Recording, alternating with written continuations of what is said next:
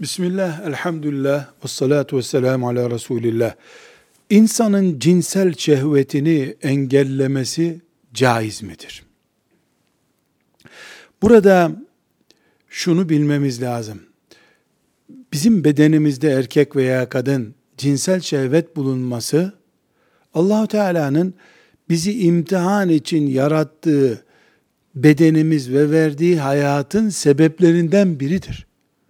Dolayısıyla bu e, cinsel şehvetimiz, bedenimizdeki cinsel şehvetimiz, babalarımız kötü adam olduğu için filan bize gelmedi.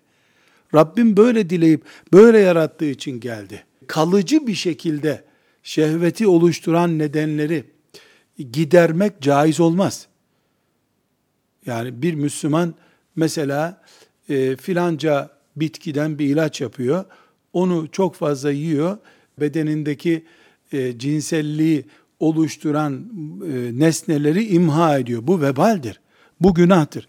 Ancak e, mesela askerdir, talebedir, rahatsızdır, cinsel hareketlilik onun için daha sakıncalı hale gelmiştir. Bir ilaç kullanarak bunu geçici manada o ilacı kullanma devam ettiği sürece şehveti hafifletici bir tedbir almak caiz olur. Kökten önleyici yani kökünü kurutucu bir işlem yapmak ise caiz değildir. Ee, öyle olduktan sonra Allah ne ile imtihan edecekse kulunu o imtihan edeceği şeyi kökten kaldıralım, kurtulalım demek gibi olur bu.